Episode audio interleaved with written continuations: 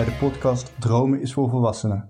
De podcast waarin ik, Paul Emons, op zoek ga naar het antwoord op de vraag: wat is er nodig om je droom waar te maken? Ik spreek met inspirerende mensen die hun dromen waarmaken, maar ook met experts op bepaalde gebieden binnen het bereiken van dromen. Vandaag heb ik Ankie Seiger te gast. Ankie heeft de laatste jaren als fysiotherapeut in de gezondheidszorg gewerkt. Zij heeft zich daarna verder ontwikkeld binnen het wetenschappelijk onderzoek en dit jaar is zij midden in de coronaperiode geëmigreerd naar Tenerife. Ankie, welkom bij de podcast en hoe gaat het met je daar? ik vind het nu al leuk dat je het uh, inderdaad nu correct zegt meteen, Tenerife. Heel leuk. uh, ja, gaat heel goed. Het is uh, heerlijk. Uh, vandaag voor het eerst eventjes geen zonnetje. Want schijnbaar kan er eventueel een orkaanachtig deze kant op komen. Wat nog helemaal niet gebruikelijk is. Dus de kans is, nou ja, ik schat de kans klein in. Maar het is, ja, het is fantastisch om hier te mogen leven. Ja, want hoe, hoe bevalt het leven daar? Ja, erg goed. Het is rustig, mooi en ontspannen.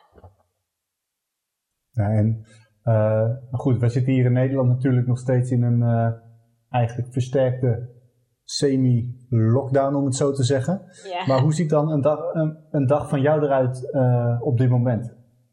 verschillend, maar ja, één ding is, is, is standaard. Ik sta op om te mediteren. En eerst deed ik dat standaard altijd om zes uur, heel strikt, omdat ja, daarmee je ego eigenlijk je laat achterwege. Want je wil gewoon het liefst slapen, s ochtends vroeg. Althans, ik wel. Ik hou van mijn bedje en denk, laat maar zitten dat wakker worden. Althans, ik wil wel wakker worden, maar liever op mijn eigen momenten, mijn eigen ding. Dus, maar ik begin te mediteren een uur lang, drie kwartier tot een uur. En hier doe ik dat soms wel wat later, moet ik eerlijk bekennen. Ik ben iets minder strikt naar mezelf uh, geworden. En daarna sta ik op en dan verschilt het. En zoals gisterochtend ging ik daarna naar het strand. Uh, want ik moest even gewoon melk halen en brood, omdat ik dat niet meer had. Vers brood. En, en dan loop je met mijn hondje loop ik, naar het strand. En tijdens het strand denk ik, ja weet je, ik loop nu langs het strand. Waarom ga ik niet even een duikje nemen? Dus ja, dan sta je op en dan lig je in het water voordat je het weet. En dan uh, in de, ja, de zee is wat kouder geworden. En geniet je volop van de natuur. En dan begint mijn dag. Ja. En toen ben ik, uh, daarna ben ik bezig geweest met wat yogalessen voorbereiden. Want ik had een yogales uh, die, ik, die ik ging geven. en een behandeling. Want ik geef therapeutische behandelingen. En dat is dan niet specifiek, ja, ik wil zeggen, therapeutische behandelingen. Is dat specifiek Ja. fysiotherapie? Of? Ik kom vanuit de fysiotherapie achtergrond. Ik heb, ik heb veel gestudeerd. Fysiotherapie, bewegingswetenschappen en ook nog epidemiologie. En, eh, maar ook meditatie en yoga. En ik combineer eigenlijk alles wat van mijn kennis combineer ik tot één behandeling. Dus het is een soort holistische behandeling, maar wel zeker met de evidence-based werkende achtergrond vanuit de fysiotherapeutische kennis en bewegingswetenschappelijke kennis die ik heb opgedaan. Ja, je combineert eigenlijk de kennis die je de afgelopen jaren hebt ontwikkeld, eh, waarbij dat eigenlijk breder is dan specifiek fysiotherapie. Kan ik het zo zeggen? ja, en dat, dat geef ik dan aan mensen. En daar neem ik dan ook de tijd voor die zij nodig hebben. Bijvoorbeeld een uur lang of anderhalf uur lang. Uh, ja, ligt eraan wat de persoon uh, nodig heeft. Ja, en dat is eigenlijk anders dan wat we in Nederland kennen. Hè? Want daar hebben we eigenlijk de 25, 30 minuten standaard van een therape- fysiotherapeutische behandeling. Um, wat, wat maakt dat jij daar dan vanaf stapt? Uh, omdat ik merkte dat veel patiënten daar soms niet voldoende aan hadden. En dat ik steeds meer bezig was, en ik denk dat heel fysiotherapeuten zich daarin herkennen, is uh, dat je veel meer administratief uh, rompslomp hebt. Wat heel goed is, want ik denk wel noteren en evidence-based werken, dus met andere woorden, meten is weten. echt bekijken wat heeft die patiënt en waar wil ik naartoe werken en nou ja, hoe kom ik daar. Ik denk dat dat erg belangrijk is. Maar ik merkte wel op het moment dat een patiënt binnenkwam voor een, in, nou ja, een intake bijvoorbeeld. Eerste gesprek is eigenlijk alleen maar praten. Je komt eigenlijk nergens aan toe. Je, je kijkt wat er aan de hand is en daarna stuur je diegene weer naar huis zonder dat je ook maar iets gedaan hebt kunnen. En dan zeg je ja, kom volgende week of kom deze week nog maar terug op een andere dag. Uh, terwijl ik nu kan zeggen, oké, nou dit heb ik gevonden, laten we meteen aan de gang gaan. Ja, je combineert dan eigenlijk je onderzoek met je eerste behandeling, klopt ja, dat? Absoluut, ja. Ja, je eerste behandeling en je hebt ook tijd om, om, om de oefeningen echt goed door te nemen die je eventueel mee naar huis wil geven. Maar er zit ook een stuk uh, ontspanning in uh, na die tijd. Om eventjes helemaal tot rust te komen. Omdat ik denk dat heel veel klachten niet specifiek altijd alleen maar komen van het lichamelijke gedeelte. Maar heel veel is opgeslagen uh, in het lichaam vanuit het mentale gedeelte. En daar sta ik dan ook bij stil. Oké, ja, dat is. Uh, nou, zeker ben ik wel benieuwd hoe je dat dan gaat plannen ten aanzien van je agenda. Want ik weet zeker, elke Nederlandse therapeut, en dat zal fysiotherapie, oefentherapie, ergotherapie, logopedie, verzin het maar. Iedereen is eigenlijk, ja, laat zich leiden door zijn of haar agenda. Want Klopt. ja, heel simpel, afspraak is afspraak. Ja. Uh, dus als jij om uh, bewijs van één uur een afspraak hebt en de volgende om half twee, dan heb je dus maximaal een half uur. Hoe doe je dat dan uh, ja, met dit soort behandelingen? Ja, nou, ik plan een anderhalf uur in en ik vertel de patiënt dat mijn, of de cliënt kan ik beter zeggen, want ik noem het ook geen fysiotherapie meer. Het is geen fysiotherapie. Het is uh, echt een holistische behandeling. Maar wat ik doe is dat het, uh, ik zeg het is een half uur tot uur. Ik kijk wat de patiënt nodig heeft. En dan begin ik, en ik plan anderhalf uur in. Dus de patiënt komt binnen, ik heb de tijd. Uh, na die tijd kan de patiënt gewoon de tijd nemen om een kop thee te drinken. En even te kalmeren en rustig te zitten. En dan pas gaat diegene weer weg. En dan heb je dus gewoon anderhalf uur voor diegene gereserveerd. En dan kan er nieuw iemand komen. Ja, nou dat is in ieder geval natuurlijk al heel anders dan wat we hier in Nederland kennen. Ja. Um, maar jij hebt natuurlijk in eerste instantie, je zei het al, je bent opgeleid tot fysiotherapeut. Um, hoe, hoe ben je überhaupt dan bij de fysiotherapie gekomen? Ah, ja, leuk. Uh, dat komt vanuit vroeger uit, denk ik. Uh, mijn vader, mijn uh, stiefvader, mijn tweede vader, uh, die was fysiotherapeut. En ik moet zeggen, of, hij dat nou, of ik dat nou van hem geleerd heb, of dat ik dat zelf deed. Ik vond het kneden heel leuk. Ik vond het leuk om met mensen zo om te gaan en ze te helpen. Dus ik merkte al dat ik van kinds af aan mensen aan het masseren ging. Ik vond het gewoon leuk om met mijn handen bezig te zijn. En op een gegeven moment uh, overleed hij helaas, jonge leeftijd. En of dat nou een voorbeeld voor mij is geweest, dat zou kunnen. Of dat we gewoon dezelfde passies hebben en zoveel inkomen uh, dat we, ja, dat ik hem daarom zoveel mocht. Dat kan natuurlijk ook. Maar aan de ene kant kan het ook een groot voorbeeld zijn geweest. En het is in ieder geval, dankzij hem wist ik van fysiotherapie af. Van het bestaan fysiotherapie. Ja, en toen uh, op basis van die kennis ben je dan uh, verder gaan verdiepen in wat is fysiotherapie voordat je begonnen bent met de opleiding tot fysiotherapeut. Ja, ik heb een beetje bij hem afgekeken van, goh, wat is het dan uh, af aan? En daarna ja, kijk je zelf een beetje wat fysiotherapie is. Ik moet eerlijk zeggen dat ik me niet heel erg van tevoren had verdiept. Maar ergens iets in mij zei gewoon, ja, ik ga fysiotherapie doen. Of, ja, nou komt het, ik ga productdesign en engineering doen. Een totaal ander iets. Ja, dat is een wereld van verschil. Wordt. Ja, en, en aan de ene kant is dat een wereld van verschil. Aan de andere kant zie ik wel wat overlap in het creatieve gedeelte. Het ontdekken, het kijken of je iets kan nou ja, verbeteren. En, um, maar ja, uiteindelijk. En vergeet niet, fysiotherapie, het menselijk lichaam is een stuk technischer dan we zelf uh, soms denken. En dat, ja, dat spreekt mij heel erg aan. Ja, en uh, nou, dat spreekt mij natuurlijk uh, ook aan. We zitten wel redelijk in hetzelfde vakgebied wat dat betreft. Um, maar goed, je bent toen, uh, heb je de opleiding tot fysiotherapeut gedaan. En je zei net al, op dit moment ben ik vooral bezig met een holistische benadering van de klachten. Uh, nou, ik zag laatst op jouw ja, Facebookpagina dat jij vroeger na je opleiding was gestart met een klein eigen bedrijfje genaamd Fitcare. Uh, wat is voor jou de reden geweest om daar überhaupt mee te beginnen? Want als fysiotherapeut, de standaardroute om het zo te zeggen, is dat je in een praktijk gaat werken als fysiotherapeut. Ja, ja Ik denk dat holistische gedeelte, en ik vind holistisch is een beetje jammer, want in het Westen heeft holistisch denk ik een heel zweverig imago. Uh, en dat is absoluut niet wat ik mee bedoel, want ik ben wel heel erg, nou ja, ik kom vanuit de wetenschap ook. Ik heb ook op de universiteit in, de, nou ja, in het onderzoek gewerkt.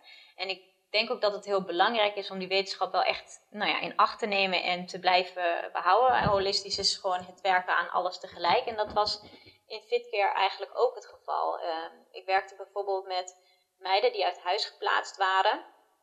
En die kregen heel veel nou ja, pedagogische hulp en allerlei andere soort hulp om het psychische gedeelte aan te pakken. Maar wat ik daar weer heel erg miste, was het lichamelijke gedeelte. Dus ik schreef beweegprogramma's voor hen, eh, wat breder was dan alleen maar oefeningen doen. Een stukje zelfbeeld, een stukje informatie over de simpele dingen als waarom krijg je een blaasontsteking. Ze wisten dat echt niet, maar hadden wel, nou ja, een paar keer per jaar een blaasontsteking, sommigen. Uh, dus dan is het wel handig om die informatie te verschaffen en te zien. En ook een stukje seksuele voorlichting. Er zat, eh, er zat een groot plaatje bij aan, maar heel erg gelinkt aan lichamelijke uh, oefeningen om eigenlijk ook de rust terug te keren in het brein. En nou ja, de pedagogische hulpverlening deed natuurlijk heel goed hun werk. En ehm, ik denk ook dat dat heel waardevol is en ook ja, dat ze dat moeten blijven doen zoals ze dat doen. En ik vond het dus dat ik daarin nog iets miste van ja, maar daar mis ik dus het lichamelijke gedeelte vooral in. Dus dat uh, ben ik gaan opzetten en ben ik gaan doen. En tegelijkertijd gaf ik al behandelingen zoals ik het dus nu ook hier doe. Oké, nou dat is in ieder geval dan al een mooie uh, eerste stap eigenlijk in datgene wat je nu doet. Uh, maar goed, ik zei het net ook al, hè, in, in Nederland is het natuurlijk wat uh, ja, meer afspraak is afspraak. Maar op dit moment zit je niet meer in Nederland. Je zit op Tenerife. dus, uh, en dat niet alleen. Midden in eigenlijk de coronapandemie heb jij besloten om weg te gaan uit Nederland. Wat heeft, ja. gemaakt, wat heeft eigenlijk gemaakt dat jij dus naar het buitenland bent gegaan? Ja, ik had mijn baan opgezegd op de VU. En, en toen dacht ik, oké, ik ga mijn uh, yoga teachings trainings doen en ik ga mijn meditatietraining verder doen, want daar woont een man die ik heb ontmoet en die heeft daar een centrum waar hij kinderen uit nou ja, wijken opvangt die eigenlijk kansarm zijn. En, en dat is die... in Tenerife? Nee, dat is in Thailand, in Bangkok. Oké. En die ja. vangt hij op en uh, het mooie daarvan is, die geeft hij een verpleegkundige opleiding en meditatie. En hij is ontzettend succesvol. De slagingsrate is heel goed. Die, die meiden, die, nou ja, het is echt een levensverandering voor die meiden. En ik vertelde over dat ik graag mijn eigen medisch preventiecentrum op wilde zetten twee jaar geleden. En toen uh, heeft hij mij uitgenodigd om daar te komen. En en mij te helpen om een samenwerking eventueel aan te gaan. Dus dat was fantastisch. Dus toen dacht ik, nou, nadat ik mijn baan opzeg, ik ga daar nog eventjes naartoe. Ik ga nog even verder met die ontwikkeling. En dan kom ik terug in Nederland en dan ga ik mijn eigen medisch preventiecentrum opzetten. Nou, dan kom je terug en dan komt de lockdown. Dus dan denk je, oké, ik heb net mijn baan opgezegd. Het is niet het juiste moment, want alles gaat dicht op dit moment. Dus dan ja, moet je gaan switchen in je hoofd. Wat kan ik dan nu gaan doen? Nou, dan begin je kijken van, goh, wat kan ik online doen? Wat is de mogelijkheden? En mijn vriend op dat moment, die, uh, die ik had ontmoet, eh, die zei van, ik kan wel werk vinden in Tenerife op dit moment, maar niet zo goed in Nederland. Ga je mee? En toen dacht ik, ja, fantastisch. Het leven is daar net iets goedkoper. Ik kan online de dingen opzetten wat ik wil. De, nou ja, de voorgaande, voorgaande stadium voor mijn echte medisch preventiecentrum, die ik graag een keertje in real life wil opzetten. Ja, is dit het ideale moment? En dan ga je en dan laat je alles achter in Nederland en dan uh, zeg je laten we het proberen. En ja. uh, dat is dus ook nu wat ik nou ja, deels voor een deel aan werk op de dag, is on, aan mijn online programma. En heb je daarin ook voor jezelf een bepaalde routine? Dat je dus, uh, nou je zei al, je hebt uh, yogalessen, je hebt behandelingen voor mensen. Maar als je dus echt voor die droom van dat uh, medisch preventiecentrum wil werken, zul je daar ook tijd voor moeten vrijmaken. Ja, klopt. Ja, en dat is ook wel waar ik nu de meeste tijd aan, aan besteed. Het is nu een online programma om taboes te doorbreken. Uh, en, dat, en, en je innerlijke kracht eigenlijk te vergroten. En daar werk ik dan wel, nou ja, als ik geen behandelingen heb, sta ik gewoon op zoals in Nederland. Uh, en dan ga ik gewoon van 8 uur s ochtends, 9 uur s ochtends, ga ik door. Uh, maar om 1 uur eet je je vaak warm, zo rond die tijd. Dus daar heb je meer tijd. En als je wil, kan je siesta nemen. Dus je werkt langer door in de avond tot 7, 8, 9, als je zin hebt. Maar ja, je neemt ook tussendoor een lekker duikje in de zee. En uh, volop genieten. Ja, het is, uh, als ik het goed begrijp, het is wat afwisselender dan de standaard uh, ja, 9 tot 5 mentaliteit. Uh, maar wat ik ook, ook in jouw verhaal eigenlijk enorm terughoor, is aan de ene kant dat holistische. Dus niet per se wat veel fysiotherapeuten, en dan ga ik enorm chargeren, met name de fysieke component uh, behandelen. Want ook fysiotherapeuten nemen een stukje mentale component en gedragscomponenten zeker mee. Um, maar het is nogal een omslag vanuit de fysiotherapie en de bewegingswetenschappen hoek nu richting het uh, ja, meer mediterende, ik weet niet of ik het spiritueel kan of mag noemen, uh, maar het is niet meer echt puur de fysiotherapie. Wat heeft gemaakt dat jij die omslag dan hebt gemaakt? Ja, twee jaar geleden kwam ik dus in Thailand terecht uh, bij die man waar ik het eerder over had. En dit is een man die zelf twee jaar in de jungle heeft gezeten, een groot CIO was. En toen um, als ja, monnik uh, in de jungle is ge gezet door een andere monnik waar hij niks had, waar hij heel veel geleerd heeft. En ik vertelde gewoon, op een dag liep ik daar langs uh, nadat ik een yoga retreat van drie dagen had gedaan voor het eerst in mijn leven. Dus gewoon lekker ontspannen. Gewoon zoals je dat kan doen op een vakantie, dat je denkt, oh, wat ga ik nog meer doen? En uh, toen kwam ik met hem aan de praat over het medisch preventiecentrum Mijn Droom, om dat op te zetten. En toen zei hij al direct van ja, als je dat wil, uh, kom dan weer langs. En toen zei ik, is goed, ik kom langs. Uh, dus twee weken later had ik een nieuw ticket geboekt en ben ik die kant op gegaan naar Bangkok. En toen kwam ik daar aan en ik wist niet dat ik zelf als non ging leven. Dat was een grote verrassing voor mij. Dus in één keer uh, geen telefoon meer, uh, je mocht niet van het terrein af, uh, twee maaltijden op een dag. Ja, nou ja, en als echte Nederlander, bij mij gingen de alarmbelletjes af. Ik dacht, ja, dit of het strand. Ik weet het wel, ik ga naar het strand. ik ga dit niet doen. maar toch, ja, dat, dat droombeeld zat in mijn hoofd. En ik dacht, ja, weet je, ik geef het ook gewoon een kans. ik voel me veilig genoeg. Ik ga het ook gewoon doen. Ik ga het gewoon aan. Nou, en uiteindelijk uh, viel het allemaal mee. En sterker nog, het heeft mijn leven veranderd. Want sindsdien mediteer ik zeg, om zes uur ochtends. En heeft het mijn kijk op het lichamelijke, het lichaam helemaal veranderd. Ik ben niet meer ziek. Uh, ik voel me goed. Uh, er, is, ja, er is gewoon heel veel veranderd sindsdien. En ik merkte hoeveel trauma's van vroeger je soms in je houdt zonder dat je het weet. En iedereen heeft, bijna iedereen heeft een trauma. Weet je, al is het gepest, al is het uh, onzekerheid vanuit vroeger, al is het uh, dat je uit een gezin komt waar geen geld was, al is het misbruik. Er zijn allerlei vormen, maar uiteindelijk komt het allemaal uit, nou ja, komt er angst bij voort of verdriet of dezelfde emoties. We, hebben, we lijken allemaal heel erg op elkaar het is niet zo verschillend. En dan kom je erachter hoe we dat opslaan in ons lichaam en hoe we daar klachten van ontwikkelen. En uh, ja, dat was voor mij de grootste omschakeling, omdat ik zeker, nou ja, fysiotherapie, bewegingswetenschap, wat je zegt, heel erg lichamelijk minded was, heel erg met exercise, oefeningen. Uh, en ik kom er steeds meer achter dat ik de patiënt niet verbeterde maak, verbeterde, maar de patiënt het zelf deed eigenlijk het grootste gedeelte.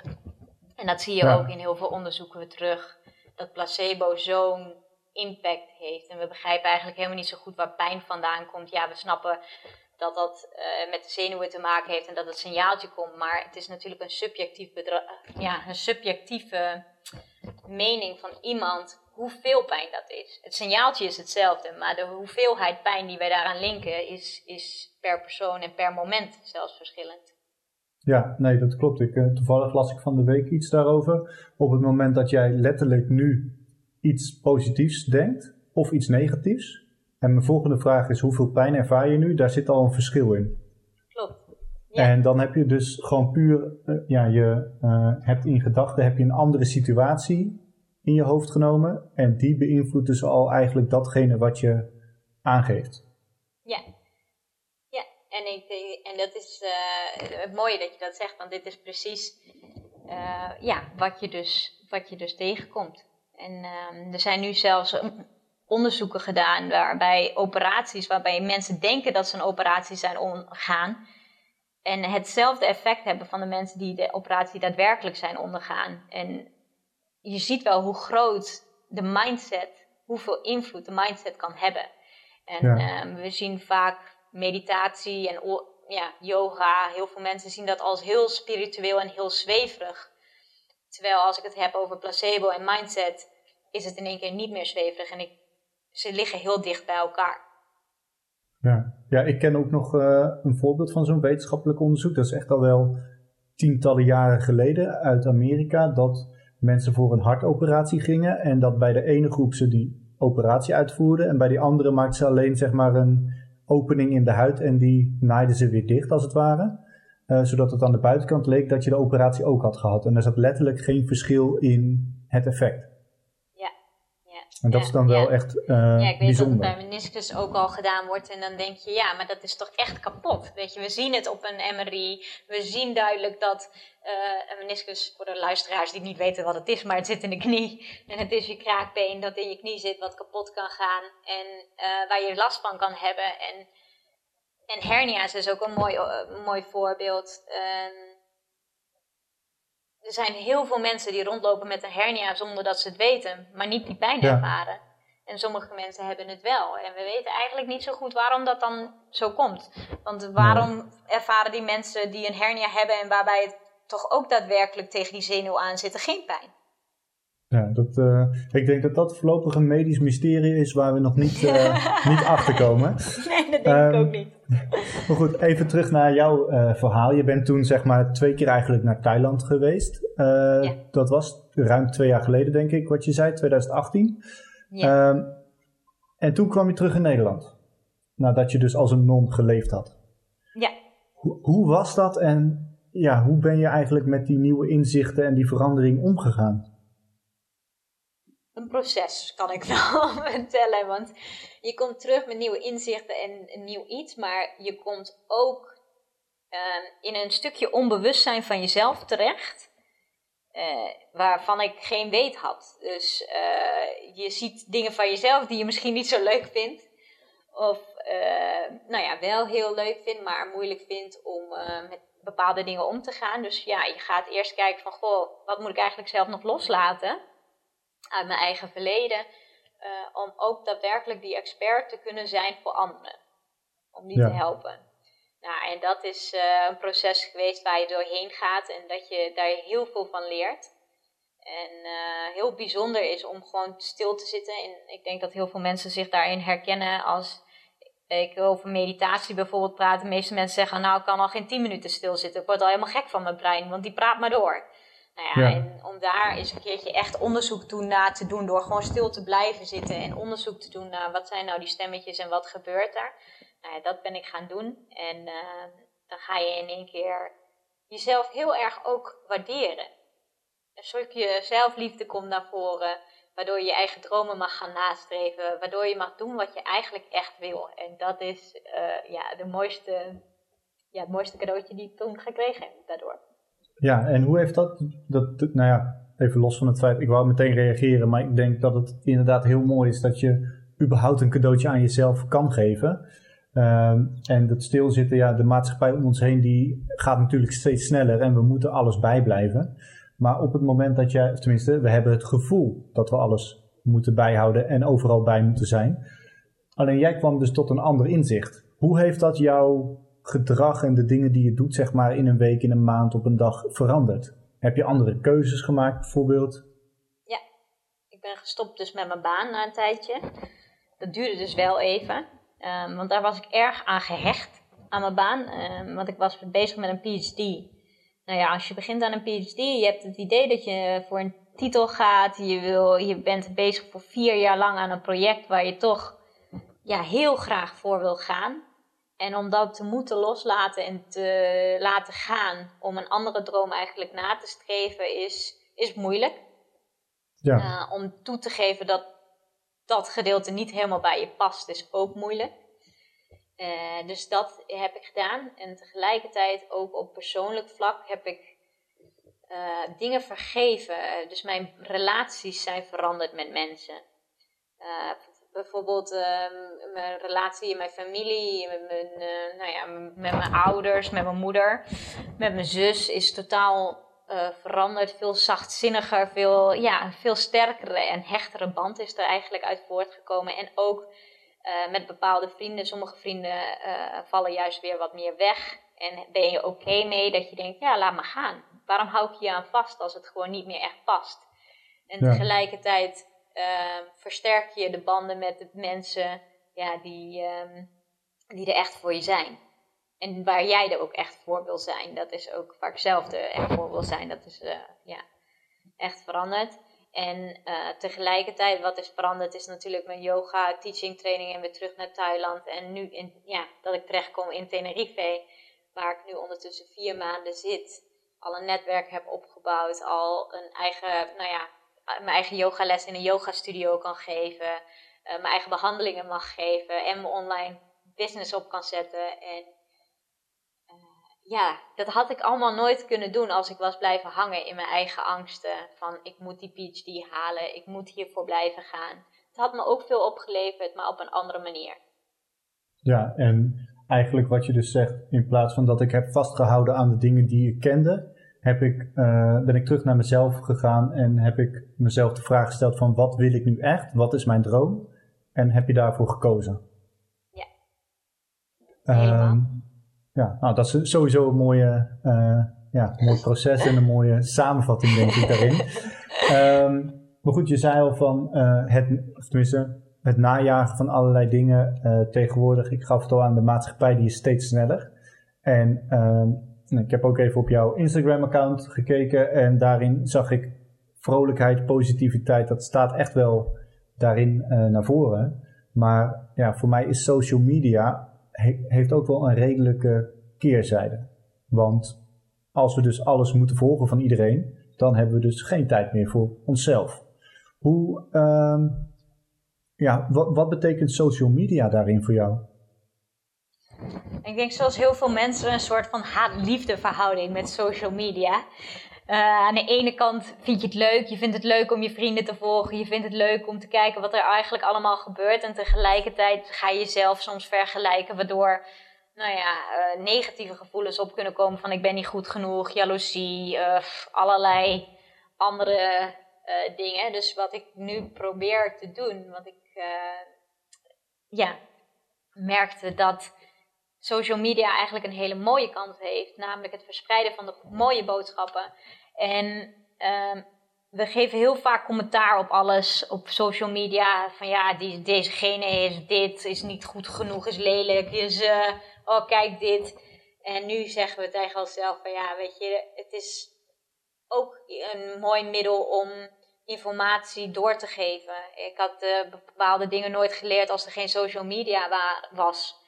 Want ik kan nu niet alleen leren van mijn omgeving, maar ook ja, buiten mijn omgeving. En dat maakt social media mogelijk. En dus nu probeer ik gewoon mensen eigenlijk heel erg in het nu te krijgen tijdens mijn uh, social media berichten. En even weer te beseffen wat je nu hebt is eigenlijk het geluk. En dat geluk gaat nooit komen in de toekomst. Want ja, je leeft alleen in het nu en niet in de toekomst. En vaak is onze perceptie over wat we allemaal moeten veranderen in de toekomst om gelukkig te zijn. Of uh, wat we moeten veranderen uit het verleden. En ja, wat ik heel erg wil meegeven is, blijf hier in het hier en nu. En je bent eigenlijk al heel gelukkig waar je nu staat. En uh, probeer dat te zijn. En ja, blijf ja, vooral heel lief voor jezelf. ja, dat lief voor jezelf zijn, dat is sowieso uh, denk ik heel belangrijk. Ehm, en daarin denk ik ook wat je eigenlijk zegt in dit uh, kleine stukje van social media, dat kan je gebruiken als ontvanger van heel veel social media prikkels. Maar in jouw geval is het vooral uh, social media is welke boodschap zend ik social media op. Ja, en, da wel, en daarin ja. is, uh, nou ja, geluk is daarin heel belangrijk hoor ik. Ja, geluk en rust. Maar wel geluk in de manier we hebben geluk dat we een avondje uitgaan of je vriend of je partner zegt iets liefs tegen je, ben je even gelukkig. En op het moment dat die partner uh, dat niet meer zegt, kan je heel ongelukkig zijn meteen. En uh, ik wil eigenlijk vooral de boodschap geven dat geluk, ja, weet je, soms gaat die partner geen lieve dingen zeggen. Soms zit, ja, het leven geeft je niet alleen maar geluk. Je gaat tegenslagen hebben. Het leven geeft je challenges, om maar zo te zeggen. En uh, op het moment dat je dat volledig accepteert, dat het zo is en uh, echt bent. En ik probeer daarom ook zo echt mogelijk te zijn online. Uh, dat als ik mezelf ben, in plaats van dat ideale plaatje, uh, dat dat gewoon zoveel rust geeft en zoveel diep, diepe geluk. Ja, en ik, ik denk dat dat wel heel mooi is wat je zegt. Dat, uh, kijk, wat, we zien vaak de buitenkant of het topje van de ijsberg, maar niet het proces erachter. En ik denk dat het juist heel goed is als je ook die andere kant van de medaille kan laten zien. Dat niet alles zomaar je komt aanwaaien. En dat je echt wel, uh, ja, op het moment dat jij dus, het voorbeeld wat je gaf, als je partner iets liefs tegen jou zegt, dan heb je een geluksmoment. Dan ben je eigenlijk afhankelijk van de ander in je geluk.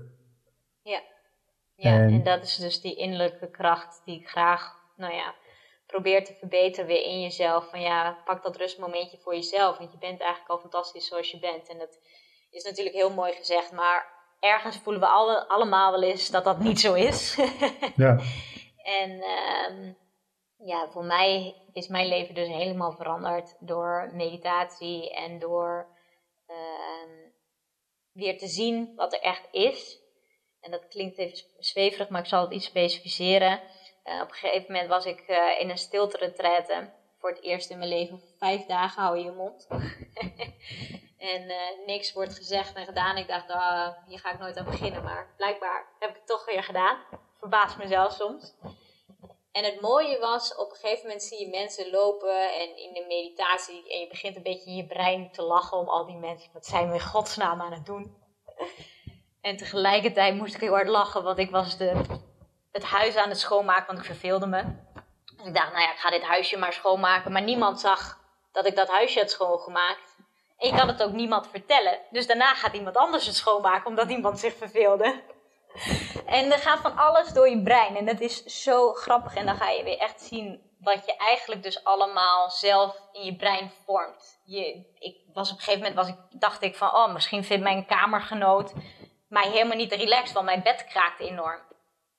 En na die tijd dat we weer mochten praten, zei ze: Oh, je was zo'n relaxte kamergenoot. Dus ergens speelt het allemaal af in mijn hoofd. En je ziet dus hoeveel we in het leven erbij verzinnen.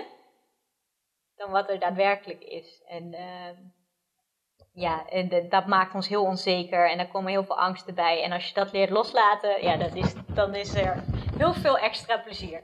Ja, nee, dat, dat ben ik helemaal met je eens. Als we de verwachtingen die we denken dat anderen over ons hebben buiten de deur kunnen laten in het bereiken van onze eigen dromen, dan scheelt dat denk ik al een hele hoop uh, stress, om het zo te zeggen. Uh, is dat dan ook, als je het hebt over jouw droom, je medisch preventiecentrum, misschien wel de kernboodschap dat je uh, ja, iedereen daarin zijn eigen geluk en gezondheid wil laten ervaren zonder dat daar eventueel hulp van een ander bij nodig is?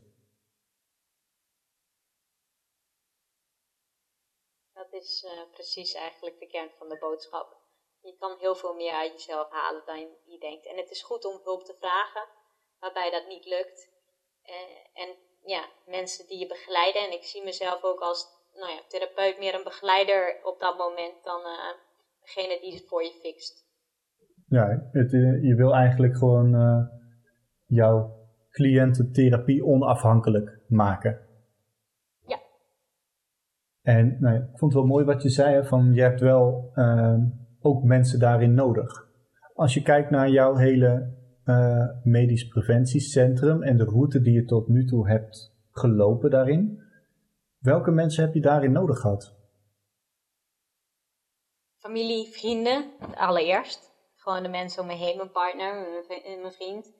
Um, maar ook uh, al mijn teachers, dus uh, mijn professoren op de universiteit, uh, mijn collega's in de fysiotherapie eerder, mijn, nou de, die meditatieman waar ik het over had voor die tijd, mijn yoga teacher trainers, dus ook alle professionals, maar ook in het verleden, want ik heb zelf natuurlijk ook je traumatische, anders had ik dit niet geweten, traumatische ervaring, maar ook in het verleden heb ik een keer, ben ik bij de psycholoog geweest en die heeft mij ook natuurlijk weer heel veel bijgedragen in mijn leven. En zo zijn er allerlei teachers um, die mij helpen en ook mensen online, zoals jij nu die weer een podcast geeft uh, en de, de manier hoe je dingen samenvat, ja, daar leer ik van. En ja, dat is, dat is gewoon heel leuk. Ik kijk ook heel veel online. Ik kijk heel veel op YouTube naar mensen die mij inspireren.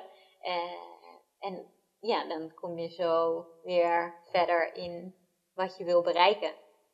Ja, ik mis natuurlijk, ja, bijvoorbeeld uh, marketing skills, die mis ik. Dus dan ga je YouTube bekijken van hoe krijg ik nou die uh, marketing skills waar ik ze wil hebben.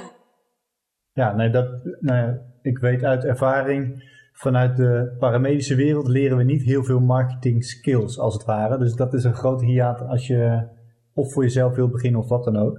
Uh, ik vond het wel mooi wat je zei, want je zei eigenlijk het woord inspireren. Uh, en wat ik veel hoor eigenlijk in gesprekken met mensen is dat ze uh, dromen van anderen zien. En social media vind ik dan altijd wel een mooi, uh, ja, mooi voorbeeld. We zien heel veel mensen die de mooiste reislocaties gaan bezoeken. En dat willen we dan kopiëren in plaats van dat het ons inspireert. We willen graag wat de ander heeft in plaats van dat we kunnen leren hoe de ander iets heeft gedaan. Um, in hoeverre um, ja, he, heeft zeg maar, nu zeg je dat al jouw teachers jou hebben geïnspireerd de afgelopen jaren. Maar hoe was dat dan op het moment zelf? nou ja, soms was het dus wel een struggle. Uh, en soms was het ja, fantastisch. Soms luister je naar een docent, een teacher en dat je denkt: oh wauw, wat jij allemaal zegt, ik kan het niet zo snel bijschrijven. Dus dan neem je het op, dan ga je foto's maken en dan word je erg enthousiast en dan ga je proberen toch ook een deel soms wel te kopiëren. Uh, wat dan natuurlijk niet lukt, want je bent een ander persoon en je brengt van allerlei andere dingen mee. Dus je maakt fouten in die zin. En daar leer je dan weer van. En denk je, oké, ik moet toch echt mijn eigen uh, pad daarin volgen. En de dingen eruit pakken die bij mij passen. Uh, en dat gaan doen. En uh, ja, dat, en soms heb ik gezeten bij, bij iemand dat ik denk, oh, ik snap er helemaal niks van wat jij nu zegt. En dan een paar weken later, of een paar, zelfs misschien een jaar of twee jaar later, denk je, oh, diegene had toch gelijk. Hij wist toch wel iets ervan.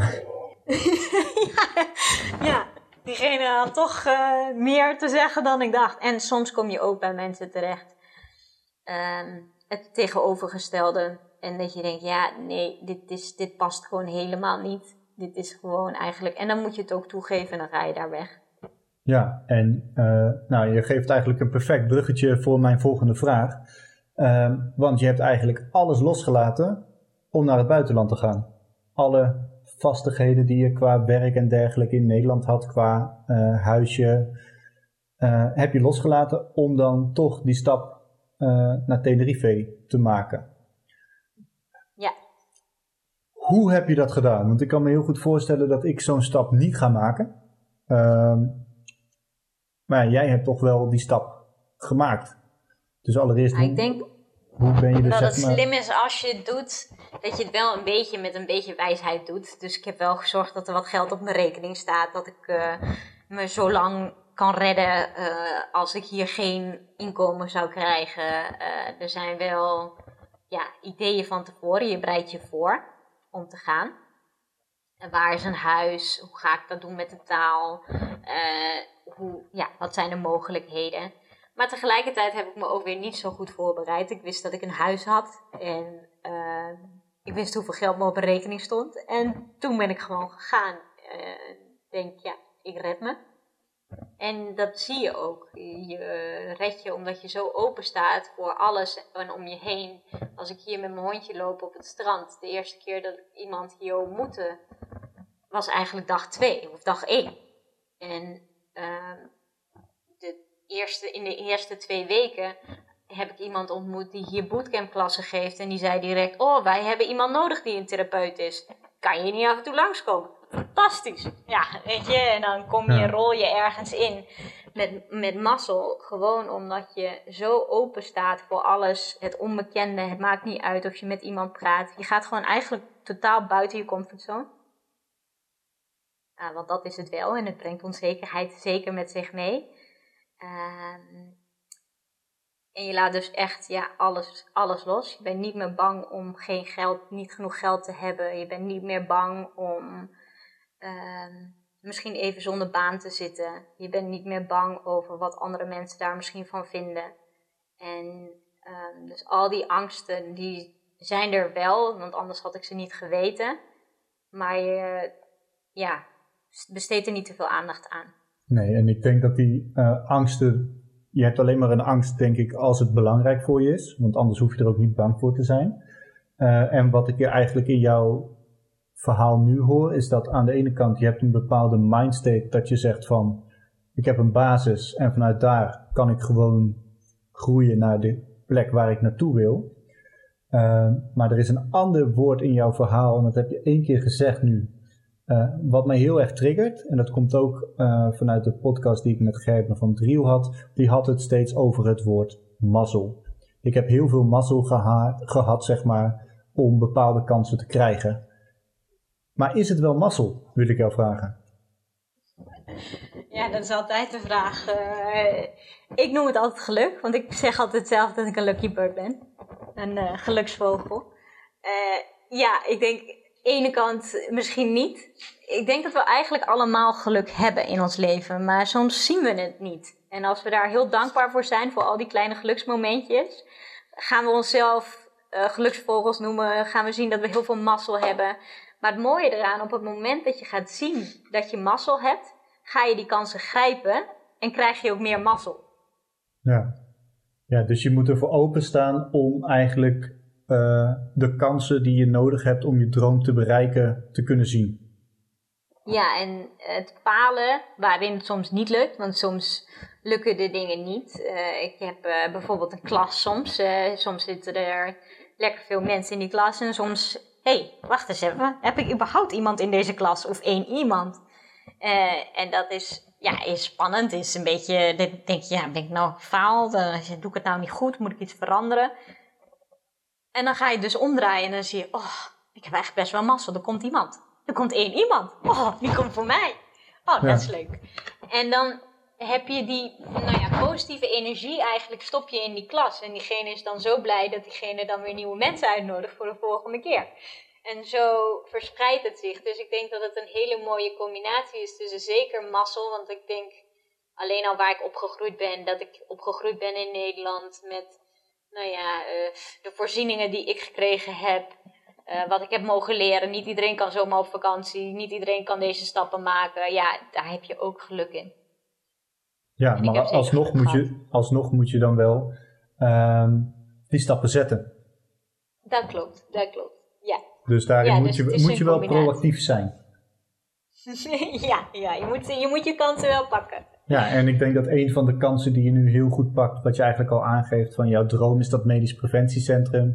En het feit dat jij nu dan online aan de slag gaat, maakt dat jouw droom weer een stapje uh, dichterbij komt. Zonder dat je heel veel risico loopt eigenlijk. Want je hoeft geen pand te huren, je hoeft niet in één keer uh, volle bak erin te gaan. Maar in het hele verhaal wat je vertelt, ga je steeds stapje voor stapje verder. In plaats van dat je in één keer een reuzensprong maakt. Um, ja, het is, het is veilig ondernemen. Ja, en dat is denk ik de meest ideale manier om je dromen te bereiken. Stap voor stap in plaats van dat uh, iemand je in jouw geval een heel preventiecentrum in de schoot werpt en zegt: Ankie, succes ermee. Hier, uh, hier, wel, hier is jouw. Voor alle luisteraars die het hebben, geen probleem. Maar nee, ik ben het helemaal met je eens. Ik, en daarom zei ik ook doe, doe de dingen gewoon met wel wat wijsheid. In plaats van ehm, ja, te grote risico's. Voor mij was het geen optie om in de corona te zeggen: Weet je wat, ik ga toch een pand huren en ik ga het gewoon doen. En dan weet je gewoon dat er niks gaat komen. Ja, dat is gewoon niet slim. En ehm, je, hebt, je hebt mensen, ondernemers, die heel veel risico's nemen. En ik denk, die kunnen heel groot groeien en die, ja, die, die gaan heel snel en die groeien heel snel. Um, wat ik vooral probeer te doen is um, vooral te genieten van uh, nou ja, de reis ernaartoe. Ja, en dat is hartstikke mooi natuurlijk. Waar gaat die reis jou dan brengen over vijf tot tien jaar? Mijn, mijn eigen centrum. mijn eigen medisch preventiecentrum. Ja, denk... En ik hoop uh, je dan wel hier in Tenerife, dan wel in Nederland. Oké, dus het feit dat je nu al niet meer vastgepind bent op een locatie, maakt misschien dat die droom weer een stapje dichterbij kan komen. Ik hoop het. Ja, nou, helemaal goed. Voor ik mijn laatste vraag stel, Ankie, hartstikke bedankt uh, voor de tijd die je hebt genomen voor uh, deze podcast. Waar uh, kunnen de mensen jou online nog vinden? Oh, ja, dat was een goede vraag. Ja, dat vroegen we, vroeg je eerder ook. En dat is heel erg, want ik ben nog helemaal niet zo goed te vinden. Ik heb nog geen website. Uh, dus ik hoop dat eigenlijk zo snel mogelijk uh, op te zetten. Maar ik heb wel uh, een Facebook-site en dat is ehm, Inner Strength Meditatie en Yoga. Of Inner Strength Yoga en Meditatie. Het erge is dat ik dat dus al niet eens weer weet. Ik zorg dat het in de show notes komt te staan, dat er een direct linkje is naar de Facebookpagina. Dankjewel, dat zou fijn zijn. En ik ben nu net een groep begonnen online, Conscious Tenerife. En dat is ja, een groep met, nou ja, die ben ik twee weken geleden begonnen. En die heeft nu al 120 man in die groep zitten. Oké. Een besloten groep. Dus voor mensen die naar Tenerife willen komen en meer van dit soort activiteiten willen die uh, kunnen daar zeker lid van worden.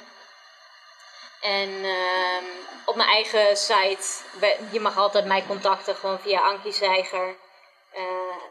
Ofwel het hotmail.com, maar ook gewoon op, ehm, op Facebook. Oké, helemaal goed. Stijger zonder T, maar waarschijnlijk zet jij gewoon links erbij. Ja, dat, uh, daar ga ik voor zorgen. Geen punt, geen punt. Nee, nogmaals dank. En dan de laatste vraag om mee af te sluiten. Als jij een tip hebt voor jouw oude Ankie, of eigenlijk de jonge Ankie, dat Ukkie van de basisschool, welke tip wil je haar meegeven? Ga heel veel spelen, ga heel veel genieten, lekker voetballen, lekker met vriendjes en uh, genieten. En mocht je een trauma hebben, wat een taboe is, een geheim is, spreek het uit. Spreek het uit naar andere mensen. Doe er nu wat aan, want als je er later mee blijft zitten, wordt beïnvloedt dat de rest van je leven negatief, terwijl je het nu al kan aanpakken. Hartstikke mooie boodschap, Ankie. Dankjewel.